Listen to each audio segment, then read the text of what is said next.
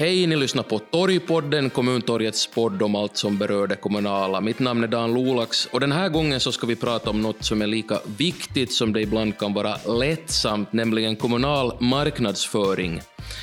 En kommun är ju i dagsläget också ett varumärke, speciellt när det handlar om att locka till sig invånare och företag. Och när kommunerna konkurrerar med varandra om dessa så blir marknadsföringen väldigt central. Med för att diskutera det här är Kristoffer Nöjd, informatör vid Ingo kommun. Välkommen Kristoffer. Jag ska sätta dig på pottan direkt här nu med en liten fråga. Um, vilken stad har sloganen ”en liten stad med stort hjärta”? Jag ska ge dig tre alternativ. Är det Närpes, Malax eller Jakobstad? Det är Jakobstad. Det är korrekt. En poäng där. Med är också Sanna Sarelius, verkställande direktör för Å Communications, som jobbat bland annat med just Ingo och inflyttningskampanjen Glad i Ingo. Sanna, jag ställer dig också en fråga. Är du beredd? Ja. Okej. Okay. Världens minsta metropol. Vems slogan är det? Är det Mariehamn, Vasa eller Helsingfors? Ja, det låter ju nog som Mariehamn. Det är Mariehamn. Det lät, det lät Väldigt kunnigt folk här. Och den som ni hörde rösten på nyss är Kasper Strömman som också är med här i det här avsnittet. Uh, ditt superhjältenamn är ju Årets grafiker 2013, så det ska jag kalla dig också. Men, men överlag så tänker jag att du är en sån här mångsysslare vad gäller kulturellt uh, innehåll. Är det korrekt beskrivet ungefär? Ungefär, och bra år 2013, så jag har ju haft ett öga på kommunernas grafiska profiler här ett längre tag. Just det, det är bra så. Och jag ska också ställa dig en fråga eh, vad gäller en slogan. Nyckeln till lyckan. Är det Skyndio, Vörå eller Kumlinge som har en sån slogan? Jag tror att det här har något att göra med kommunalvapen, för många använder sig av det, I'm gonna say Skyndio. Det är korrekt. Wow, tre av tre av uh, deltagarna i podden. Det är fantastiskt bra. Vi, vi kan det här. Vi kan det här och det kände mig lättare att ni kan det också. Det där, uh, Okej, okay, hörni, så här är det. Enligt uh, Kommunförbundets utredning för några år sedan uh, så sätter en majoritet av kommunerna, drygt 60 procent, rätt lite på marknadsföring, under 50 000 euro. Jag har för mig att Ingo sätter lite mera, Kristoffer, kanske upp mot en 100 000 euro. Du får rätta mig om jag har fel. Men min fråga till dig, att är det värt att sätta hundratusentals euro på en marknadsföring? Vad är din uppfattning? Uh, ja, jag ska börja med att, att rätta dig lite där. Uh, det, det, är så att i fjol var vår totala budget för marknadsföring cirka 100 000. Men, men det som vi satt på, på vår, vår kampanj och där ingick också en sån här förny, förnyelse av vår visuella identitet så, så, så det var kanske där kring 50 000 plus.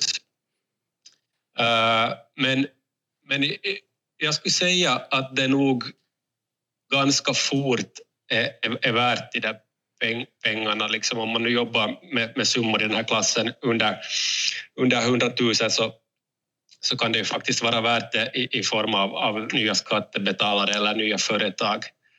Och, och, och det är ju kanske just den, den där siffran nya invånare man tittar på i slutändan. Och sen vägen dit kan man ju mäta med, med medieträffar och annat sånt där. Uh, uh, det där. Men, men, men för vår del så har det varit ganska lyckat. Prognosen visar att vi, vi det där, är ett knappt 20-tal invånare fler i Ingo nu än, än förra året. Okay. Så det är alltså en mångårig negativ trend som, bryts nu, att är det sen corona-effekt eller inte, så, så, så, det, där, det vet jag inte, men vi hoppas ju att det har med vår satsning att göra. Kristoffer, kan du reda ut en sak åt mig? Vill man eller vill man inte ha sommargäster som kommun?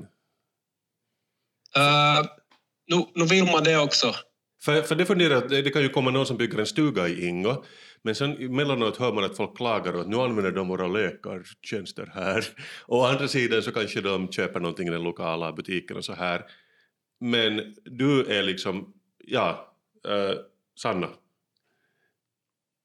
Jag tänkte bara inflika där att, att för många kommuner är ju sommargästerna en ganska bra potentiell målgrupp för, uh, äh, för att det där blir året om boende.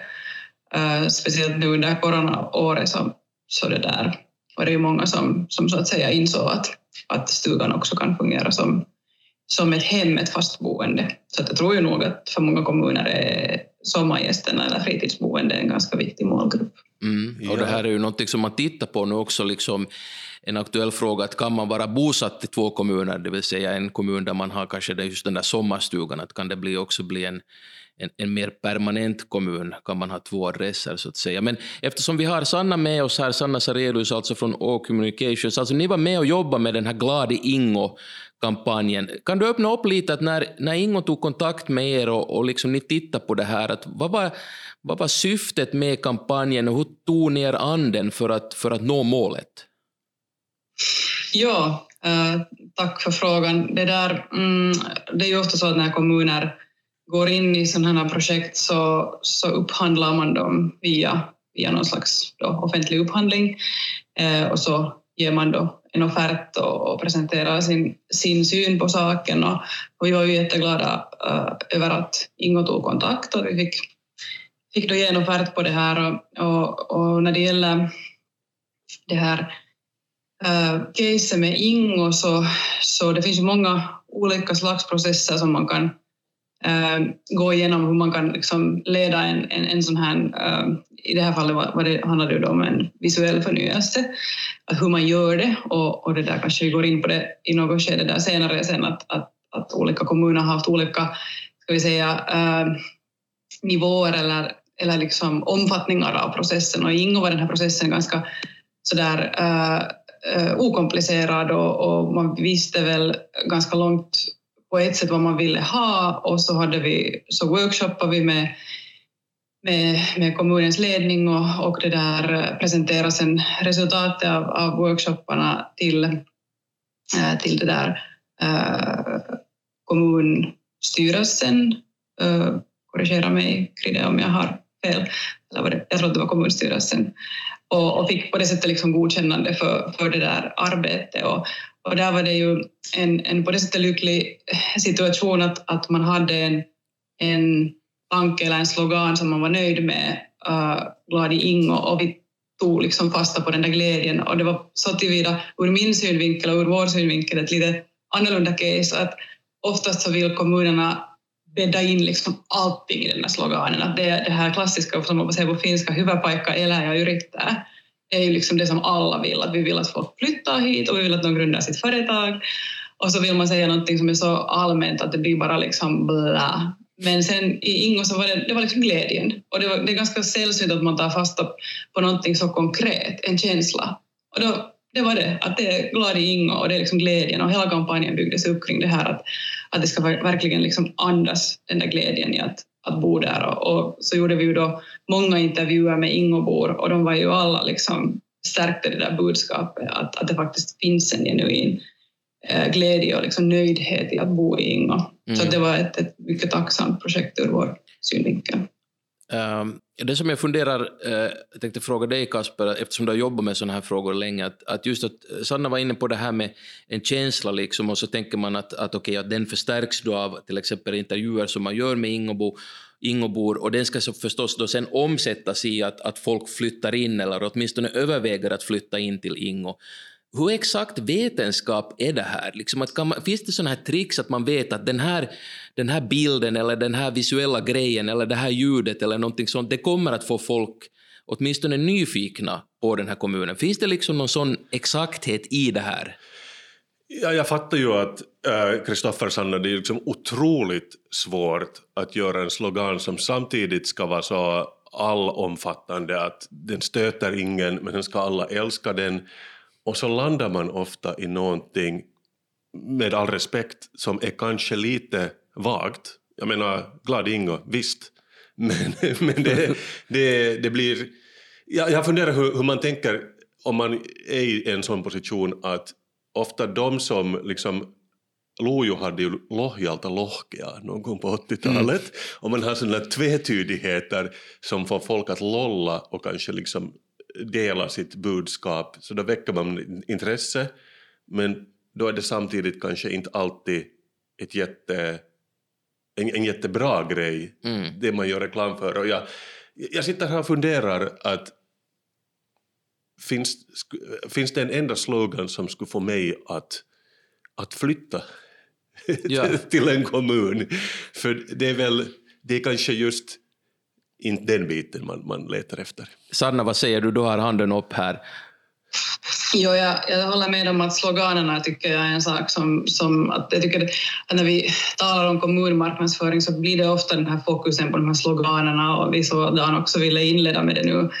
Men, men det, är ju, det hör ju till en tid, liksom en svunnen tid då marknadsföring gick ut på att man gjorde en printannons, man gjorde affischer, man gjorde liksom statiska saker som var, den här kommunikationen var liksom enkelriktad, att du la ut din annons, din TV-reklam, din radioreklam, whatever. Och, och sen, sen var det där och då var det liksom logon och, och sloganen var liksom givna sådana här element. Men, men det att, att jag tycker att, att idag är liksom kommunikationen och, och hela det här, liksom, det är ju ett ekosystem som du måste upprätthålla hela tiden.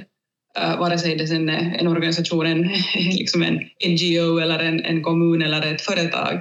Så du kan ju inte göra kommunikation och marknadsföring på det sättet längre och därför tror jag att den här hela kommunsloganbiten liksom nog tonas ner i kommunerna ganska mycket idag. Det handlar mycket mer om det att hur man ser ut, hur man kommunicerar, vad gör man på SOME, vad gör man liksom annars i, i förhållande till både existerande invånare och, och sen då potentiella. Och jag tänkte komma till det att, att det här med att det här Gladi Ingo var liksom det där avstampet för oss, mm. att, att det var liksom egentligen det enda som definierades i, från då kunden, alltså Ingo kommun, var det att, att man vill liksom hålla fast vid den tanken och det liksom styrde sen vårt, uh, vår visuella design. Att, att till exempel då kommunens nya uh, visuella identitet är liksom ganska uh, lättsam och glad och, och inte liksom någonting så här att man har försökt hitta på någon symbol som då är jättehög, eh, high fly, högt flygande och, och liksom så här, utan man har liksom satsat på ganska konkreta saker och, och liksom ett, ett lite, lite annan, annan typs visualitet än, än vad man kanske är van vid i kommunmarknadsföring. Mm. Och jag tycker det är jättebra, för jag tycker den bästa kommunmarknadsföringen sett på senaste år var det var någon kommun uppe i norra Finland, kanske till och med Lappland, som de betalade någon familj för att mm. flytta dit för ett år och liksom hela tiden eh, berätta vad de gör där och så vidare. Och, och då, då behövdes ingen slogan utan de var liksom ansikten utåt att vi är en familj från södra Finland som har flyttat norr och vi gillar det. Exakt. Och om jag tar fasta på en sak som Sanna sa, eller det, det intryck jag fick på något sätt, att om Glad Ingo var så att säga avstampet, så krävs det ändå för en kommun att på något sätt vara närvarande hela tiden i olika typer av sammanhang och olika typer av platt, på olika typer av plattformar. Och det räcker inte just med den här sloganen och man kan inte bara förlita sig på annonser i, i en tidning. Så Kristoffer, liksom, håller du med om den beskrivningen att, att ditt jobb på något sätt som informatör eller en som är ansvarig för uh, hur Ingo syns utåt, att, att på något sätt etablera Ingo som ständigt närvarande i folks medvetanden, både Ingobor och potentiella inflyttare? Absolut, det, det är precis så det är.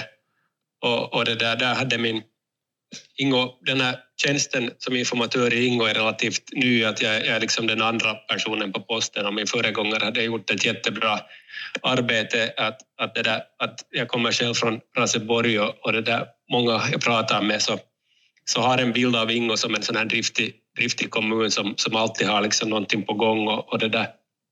Och det är det som vi försöker visa utåt, utåt också och, och, och det är sant.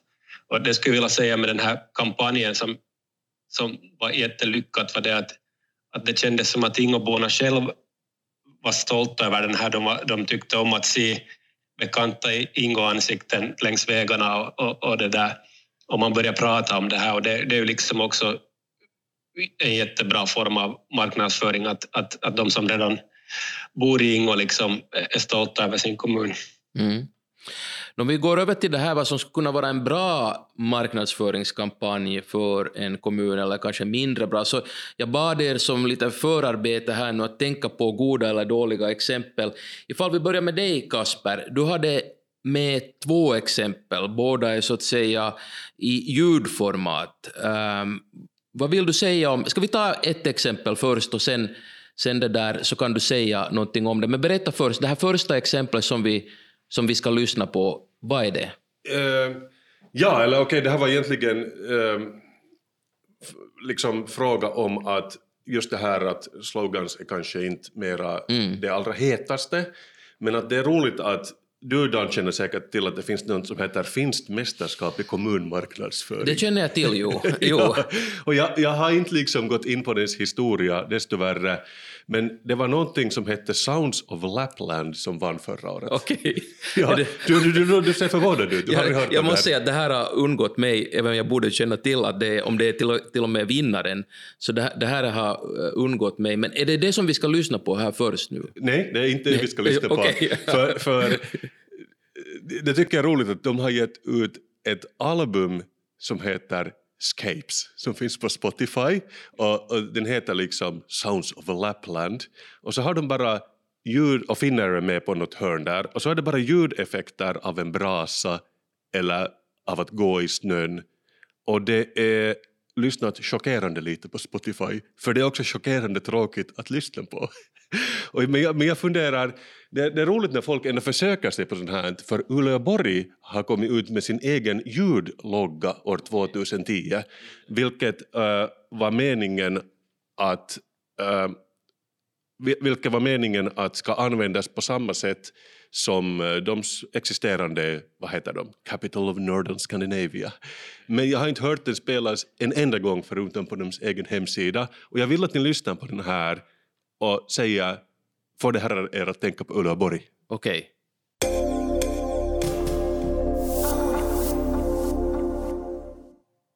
Det här var den korta versionen. Det här det, här, det, här, det här går att ladda ner på deras hemsida och det här är den korta versionen och det här ska då föra tankarna till norra Skandinaviens huvudstad. All right, nu vill jag få lite reaktioner. Sanna, vad, vad tänkte du när du hörde det här korta klippet? Ah, jag tänkte på den här Windows Toe. Vad heter det som... Vänta nu, Kasper kanske, eller någon annan kanske ni kommer ihåg. Vem var det som skrev den? Brian Eno eller Daniel eller någon, någon, sån här super, superproducent, kompositör som skrev... Har ni hört om det? Ja, alltså det är nog Windows 95 eller 97 Mm. som startade. Ja, Ja. den här lilla, lilla plingen som man då, nu är jag ju förstås Mac-användare naturligtvis, men att ni alla har ju hört den där Mm. som, som kom när man öppnar en, en Windows-maskin. Och den då hade ju en sån här brief som var, jag vet inte hur många sidor och hur många hundratals ord som han skulle uppfylla med den där, liksom, den där lilla snutten. Så det här fick mig att tänka på det, att, att man har på något sätt haft en liknande brief, att man ska få in liksom det här moderna och det här Nordic, det här no- no- nord, det, northern liksom, eh, aspekten. Men det var ju väldigt kort alltså, att det var, det var ganska svårt att... Men jag vet inte, att, vad, vad är den här liksom... Det, finns också en, Till- tre- det finns också en tre minuters version där på hemsidan som låter Ja. ungefär likadant. Det här var bara ett smakprov. Kristoffer, får du några reaktioner som du vill eh, dela med dig av? Mm. Eh, Jag tänker ju kanske att man vill få fram något, någon sån här bild av, av norrsken och, och, och, och modernitet samtidigt. Och så där. Men, men ganska generiskt tyckte jag nog den var. För kanske också tankarna till just något flygbolags jingle eller något sånt. Mm. Jag tänker själv på att åka hiss när jag hör det där. Ja, mitt intryck var det att jag minns att då när jag ännu var så ung att jag brydde mig om hur mitt hår såg ut så gick jag i en sån här snofsig frisörsalong och de hade alltid sån här generisk musik på i bakgrunden så man undrat vilken, vilken CD-skiva är det här ifrån? Och, och, och det var här var ju Uleåborg. Just Det, det ska Ja. vara en bra plot Okej. twist i det här. Men Vi, vi, tar också, vi tar också det där, ah, det, du hade ett annat exempel Ja. för vi går över till Sannas exempel. Nej, men för, jag, för jag tänker Ja. som ni, det här var lite kanske... Ja. Det var kanske lite generiskt och, och inte speciellt uh, ihågkommeligt och det är kanske därför man aldrig har hört det heller någonstans. Att de hade ju stora planer att det här ska spelas överallt där Uleåborg gör någonting. Men det finns också, jag har ett annat exempel som är från 2012. Kommunen Posio, har de ett namn på svenska, det tror jag inte. Men där har kommunborna gått ihop på något sätt och gjort en rap år 2012 som heter Posi Yo. Och där tycker jag det blir mycket mer intressant. Kan vi spela upp det klippet? Jos sä haluat nähdä aitoa Lappiin, niin ei sun tarvi mennä korva tunturiin. Posi jou, tää Lapin oma taikamaa. Posi jou, on jotain paljon parempaa. Och det, är, det är en tre minuters låt, jag, jag sparar er från resten. Men det går ut på, det finns på Youtube, att där är tydligen lokala, där är en smed som gör någonting och kanske någon som har en butik och så vidare. Och jag snackade med en kille som bodde i grannkommunen eh, som eh, hade mycket åsikter om det här, att det har verkligen delat kommunen om det här verkligen är bra eller dålig marknadsföring. Men jag tycker ju det, den, den känns ändå väldigt personlig och det känns som att alla har gått in och gjort det här tillsammans på någon slags nollbudget. Så jag vet, själv älskar jag ju den här. Just det. Sanna, reaktion på den här, uh, det här exemplet? du, du, du arg ler. Du tycker inte om den här? Uh, alltså, det här, på något sätt, det, här, det här greppet har ju liksom nog använts också annanstans. Jag kommer ihåg nu när vi talar om kuntamarkkinoinnin SM kisat för några år sedan så tror jag Åbo placerade sig på något, någon tredjeplats eller någonting med, med sådana seniorer som rappar för att de fick en förmån att när de åkte till teatern med, med stadsbussen så fick de gratis och, och gratis kollektivtrafik med teaterbiljetten.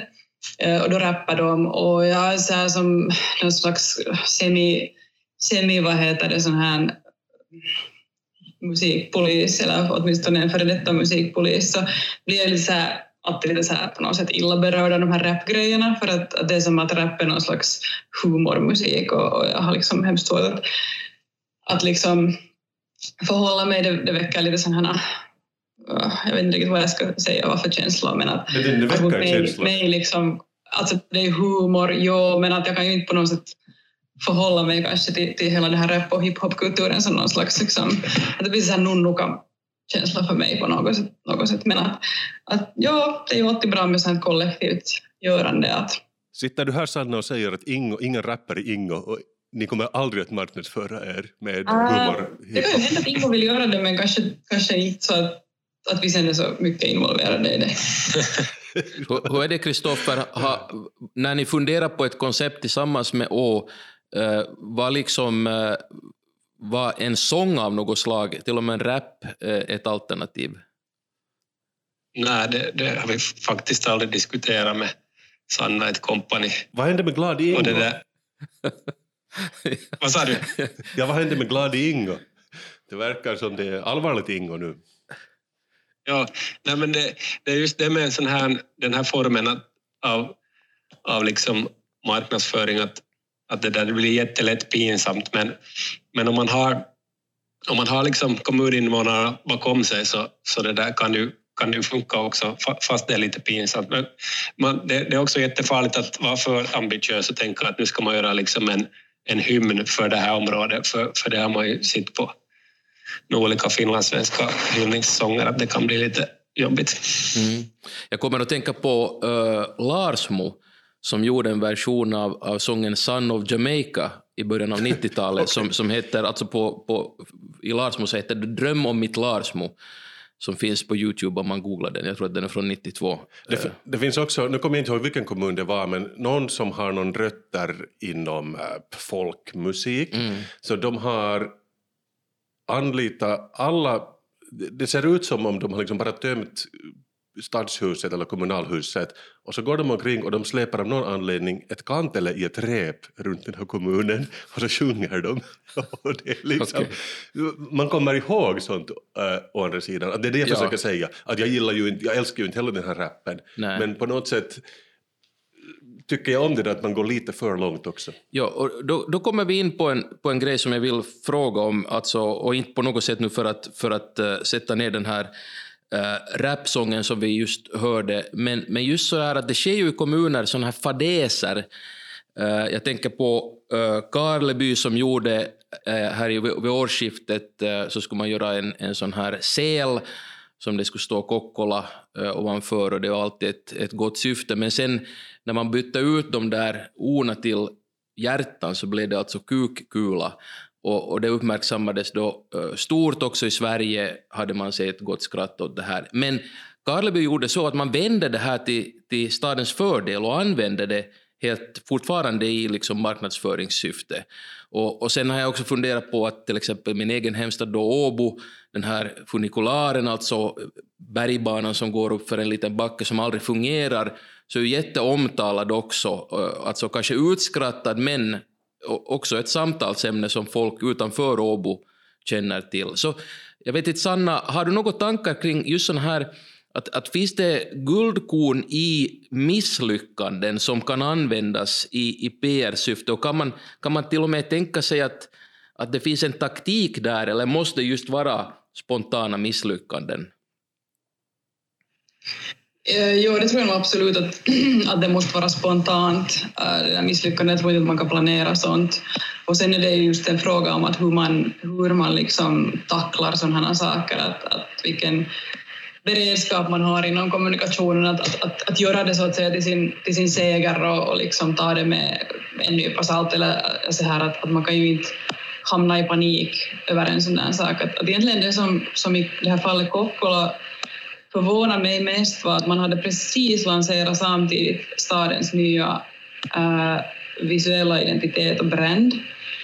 Och samtidigt lanserar man det här barn Kokkola som var liksom helt ur en annan värld och det var olika äh, aktörer som hade gjort det och, och för, för mig som sysslar med liksom kommunikation och marknadsföring och, och brandutveckling så, så det var egentligen det som störde mig mest var att, att man äh, lanserar samtidigt två olika koncept mm.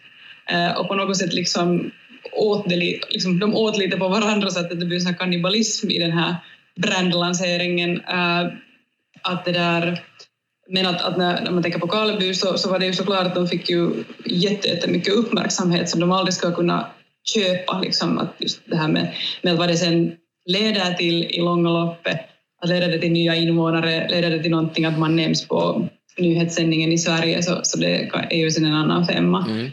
Ehm, men, men jag tycker att allt sånt här handlar om att hur, hur man liksom sen tacklar såna här situationer, oväntade situationer. Mm. Och jag tyckte TV4 hade gjort det verkliga grävet där, för de hade tagit reda på att verkligen kommungränserna ser också ut som en penis, vilket de inte hade tänkt på i Kokkola. Men jag funderar på det där att till exempel i Uleåborg har de ju den här ena väggen där någon redan på 80-talet har skrivit paskakaupundi. Och sen, okay. och, det, och sen husbolaget, det finns en artikel om det här på nätet, de målar om den här väggen med tre månaders mellanrum och så går alltid någon dit och skriver paskakaupundi. Mm. Och de säger att det kostar 2000 euro om året, vilket är mycket för ett enskilt husbolag men man tycker nästan att Uleåborgs stad kunde gå in och mm. hjälpa dem lite. Uh, och nu är det liksom en, en, en stående, ett, ett, ett, ett, element av stadsbilden som man inte får bort mera och det har blivit på samma sätt, de hade en staty av den här polisen där nere vid, vid gågatan, mm -hmm. Polisi. Och jag skulle vilja dra en parallell sådär till Sverige att om inte Gävlebocken brinner varje år, vad har den egentligen för funktion? för nu har ju inte den brunnit på tre eller fyra Nej. år och vi har glömt bort ja, det det, det är inte intressant mera helt enkelt. Att jag funderar att kunde ni i Ingo ha något som brinner varje år? för liksom det skulle vara jätteintressant. Det kan vara en anlagd brand eller ni, ni behöver inte berätta om det.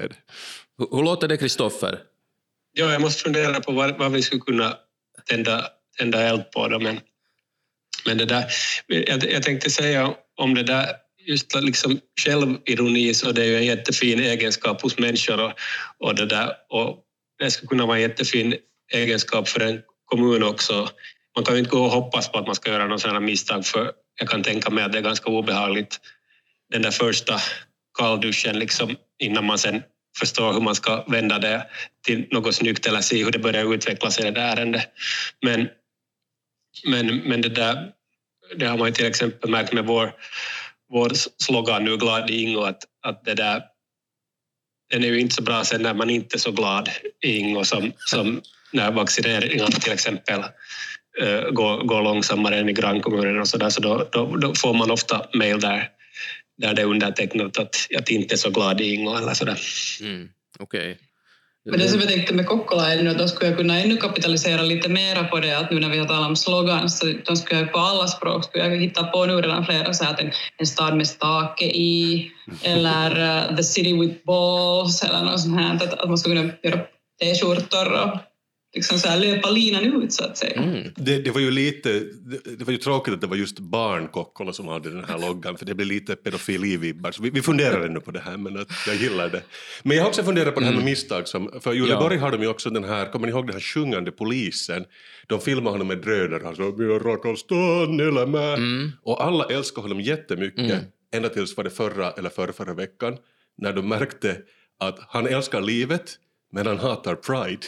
Just För, det. för han hade tweetat om det för ett par år, för, för ett par år sedan att det här är liksom myötähäpeä aiheuttava friikkisirkus. Mm. Och Ulla Borgstad hade själv använt sig, de hade ju delat det här klippet och så här, Mm. men nu var det så här, aha, att han, han rakastar hetero eller med. Och sen, sen blev det med ens lite, Ja. lite tråkigt hela den här liksom. Och svårt säkert för staden att hantera också. Att hur, hur gör, backar man från det man har gjort då, eller hur, hur gör man så att säga med de åsikter som den här polisen står för? Ja, precis. Ja. Att det, jag vet inte, det går, det går ju inte att släta över mera heller sen det har kommit ut. Att, att, men det får ju oss också såklart att prata om stan sen i dåliga eller bra Ja. termer. Hej, det där, lite ännu ska vi hinna med, och jag vill lite bredda på kanske det här med syftet med, med eh, marknadsföringskampanjer. Alltså när vi pratar om Glad Ingo som har dykt upp nu här väldigt mycket, eh, naturligt förstås eftersom vi har både eh, Ingo representerat och den, den firma, företag som tog fram den här kampanjen. Men, men där pratar man ju då kanske om den här inflyttningen som främsta mål, eller åtminstone att uppmärksamma kommunen som en möjlig eh, bostadsort för folk. Men finns det andra syften med Eh, marknadsföringskampanjer? Kan det liksom handla om helt interna grejer på något sätt att skapa en bra stämning i staden eller, eller finns det liksom andra mål som en kommun kan sätta som inte har någonting att göra med inflyttning? Vad säger Kristoffer? Är det någonting som ni har funderat på i Ingo? Mm. No, så tillvida jo att, att vi, det där, vi, vi kanske har ett, ett litet sånt problem att, att vi är lite okända, att vi är, vi är en sån här kommun som, som många andra förstås vid, vid stora vägar, att man, man blir liksom förbikörd. Så, så det där helt, helt fysiskt att få människor att svänga in hit och titta på, på, på vår kommun så, så har varit liksom en utmaning och något vi har jobbat för och, och det där.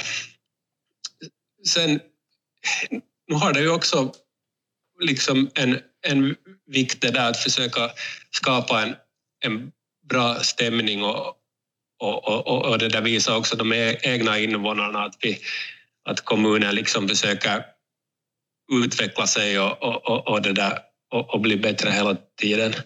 Mm. Så, så det där är inte, inte, det inte det bara, bara liksom inflyttning i, i åtanke när man, när man marknadsför heller utan, utan överlag nog att, att visa, visa upp sig och, och, och det där. Och just som du sa, kanske att lite, lite också skapa en bra, bra stämning. Mm. Hur, hur är det Sanna, har ni jobbat med någonting som handlar om annat än, än inflyttning? Uh, eh, förstås att kanske skapa ett, ett, eller förnya brand för kommuner eller städer är ju, är ju kanske inte direkt alltid med inflyttning att göra, men hur är det liksom, finns det andra målsättningar som, som städer och kommuner kan sätta upp som inte har direkt att göra med att få folk att, att flytta till dem? Uh, jo, vi har jobbat, dels har vi jobbat med kommunstrategier, alltså Mm. sparra i det skedet när man ritar upp nya strategier, tre eller femårsstrategier, så har vi varit med och sparrat där. Sen har vi uh, jobbat också med sådana olika delstrategier, det vill säga att, att till exempel utbildningssektorn inom en kommun vill ha en egen strategi.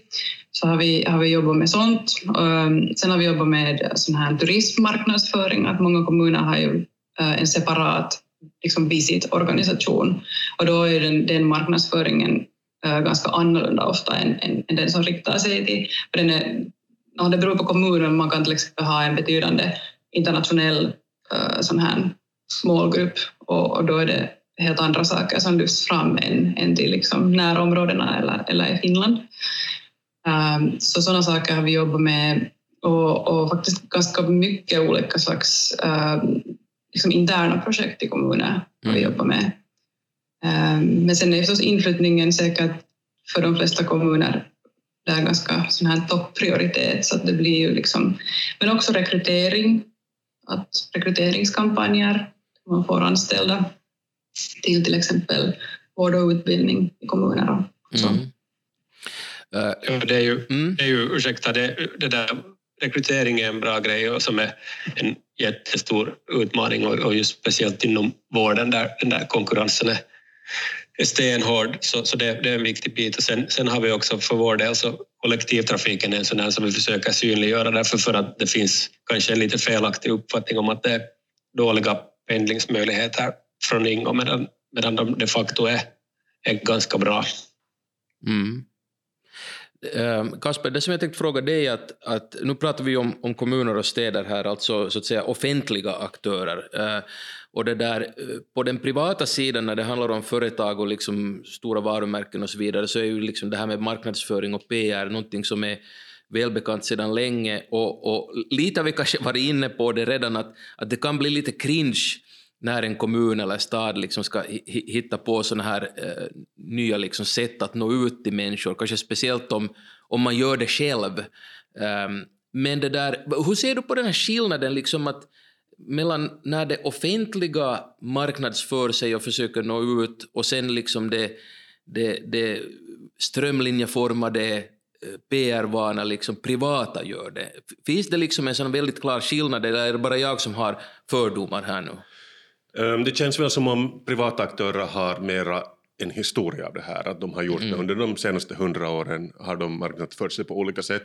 Och det känns lite som att alla ska ju ha det här just Visit Kokkola och Visit allting nu för tiden. Så att säkert är folk bra på det men, men man är inte heller van, man, man frågar sig själv liksom, var, var, vadå, var, var, varför pratar du till mig, vad, vad vill du mig egentligen? Och det, var, det fanns tyckte en kampanj för ett par år sedan, här på Böle station gjorde någon kommun reklam för sig själv att flytta till vår kommun så får du en badtunna.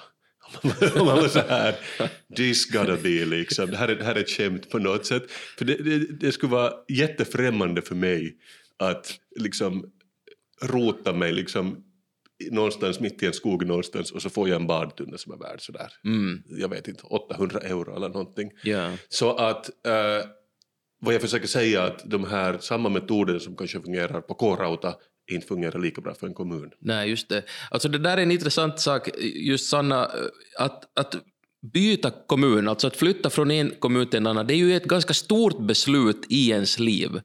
Och du var inne just på det där att ni sökte fram den här känslan när ni jobbade med Ingo, alltså glädje. Uh, hur liksom lyckas man med något sånt? För jag menar, jag tänker att det finns en mängd massa saker som går in i ett sånt beslut när någon fattar det beslutet att okej, okay, nu byter vi hemort, vi flyttar från den här orten till en annan för att de har utlovat oss vad, en, en, en badtunna eller, eller något annat. Så hur, hur måste man liksom närma sig eh, liksom ett sånt viktigt beslut från en, en marknadsföringsbyrås perspektiv till exempel? No, det är en bra fråga. Jag tycker att, att dels det där liksom att, att man har den där taknivån, där man liksom, den här konceptualiseringsnivån där man tänker ut att vad, vad är liksom det där takkonceptet som, som kommunen liksom går ut med och, och skriver under. Uh, och I Ingos fall är det glädje, i någon annans fall kan det vara något, man hittar det där liksom, så att säga den där någon slags liksom brandkärna som folk kan relatera till. Och det, kan, och det får helst vara något ganska enkelt, så att man får en, som Kristoffer sa, att, att Ingo har kämpat med att de kanske inte är så kända och folk inte på det sättet associerar så mycket någonting egentligen med Ingo, fast det är en jättefin liten ort. Uh, så att där fanns liksom ingenting som man kunde, att någon enskild sevärdhet eller någonting på det sättet som man tar fasta på. Och därför också tyckte jag den här glädjen var bra, för det är liksom ett sånt det är en sån känsla som att, att, att associerar du det med en kommun så är det någonting som alla kan liksom relatera till. Uh, och det där, så där har du det liksom takkonceptet, men sen som du sa Dan, så, så det här med att flytta, alltså det är ett jättestort beslut och man gör liksom det beslutet, de flesta människor gör det inte så hemskt ofta, så hemskt många gånger i livet. Och då tänker jag att då är det bättre att liksom nischa marknadsföringen till de målgrupper som man har funderat ut, att vilka är våra centrala liksom målgrupper?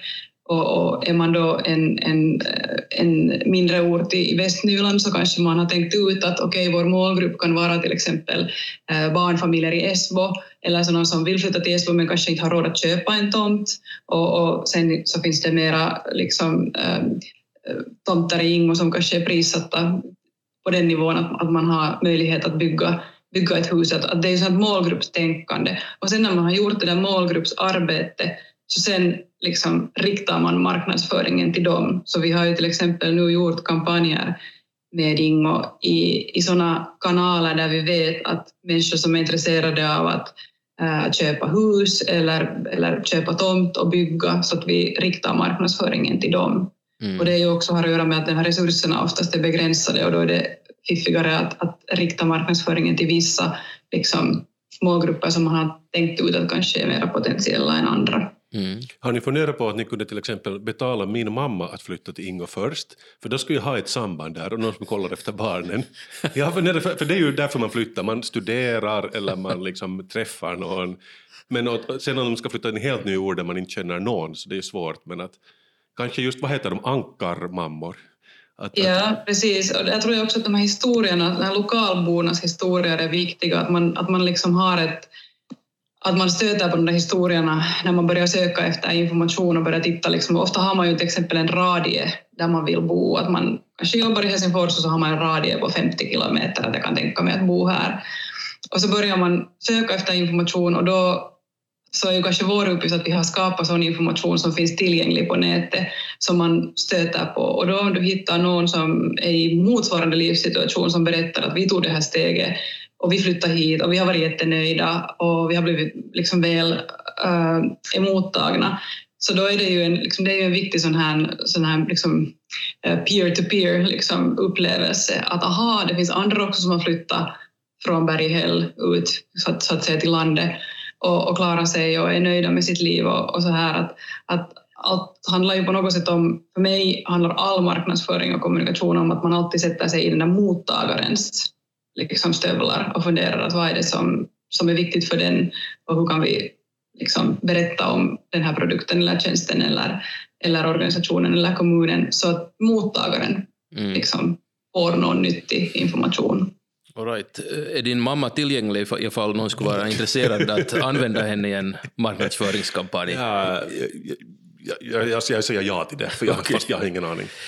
Eh, bra. Vi ska börja runda, avrunda det här, men jag vill ännu ställa en fråga till Kristoffer som har att göra med, eh, vi har pratat nu om marknadsföring och PR, men så finns ju den här biten då som är kanske mer saklig, alltså information eller liksom att, det min fråga handlar om kanske är det att, att vi ser då att det finns någon risk för att, att man med marknadsföring och PR gör en ger en för förskönad bild av kommunen, att man lovar någonting som kommunen sen inte kan Eh, så att säga möta eh, när en invånare flyttar in eller ställer frågor till, till kommunen. Resonerar ni kring det här, till exempel i samband med den kampanj som vi nu har pratat rätt mycket om?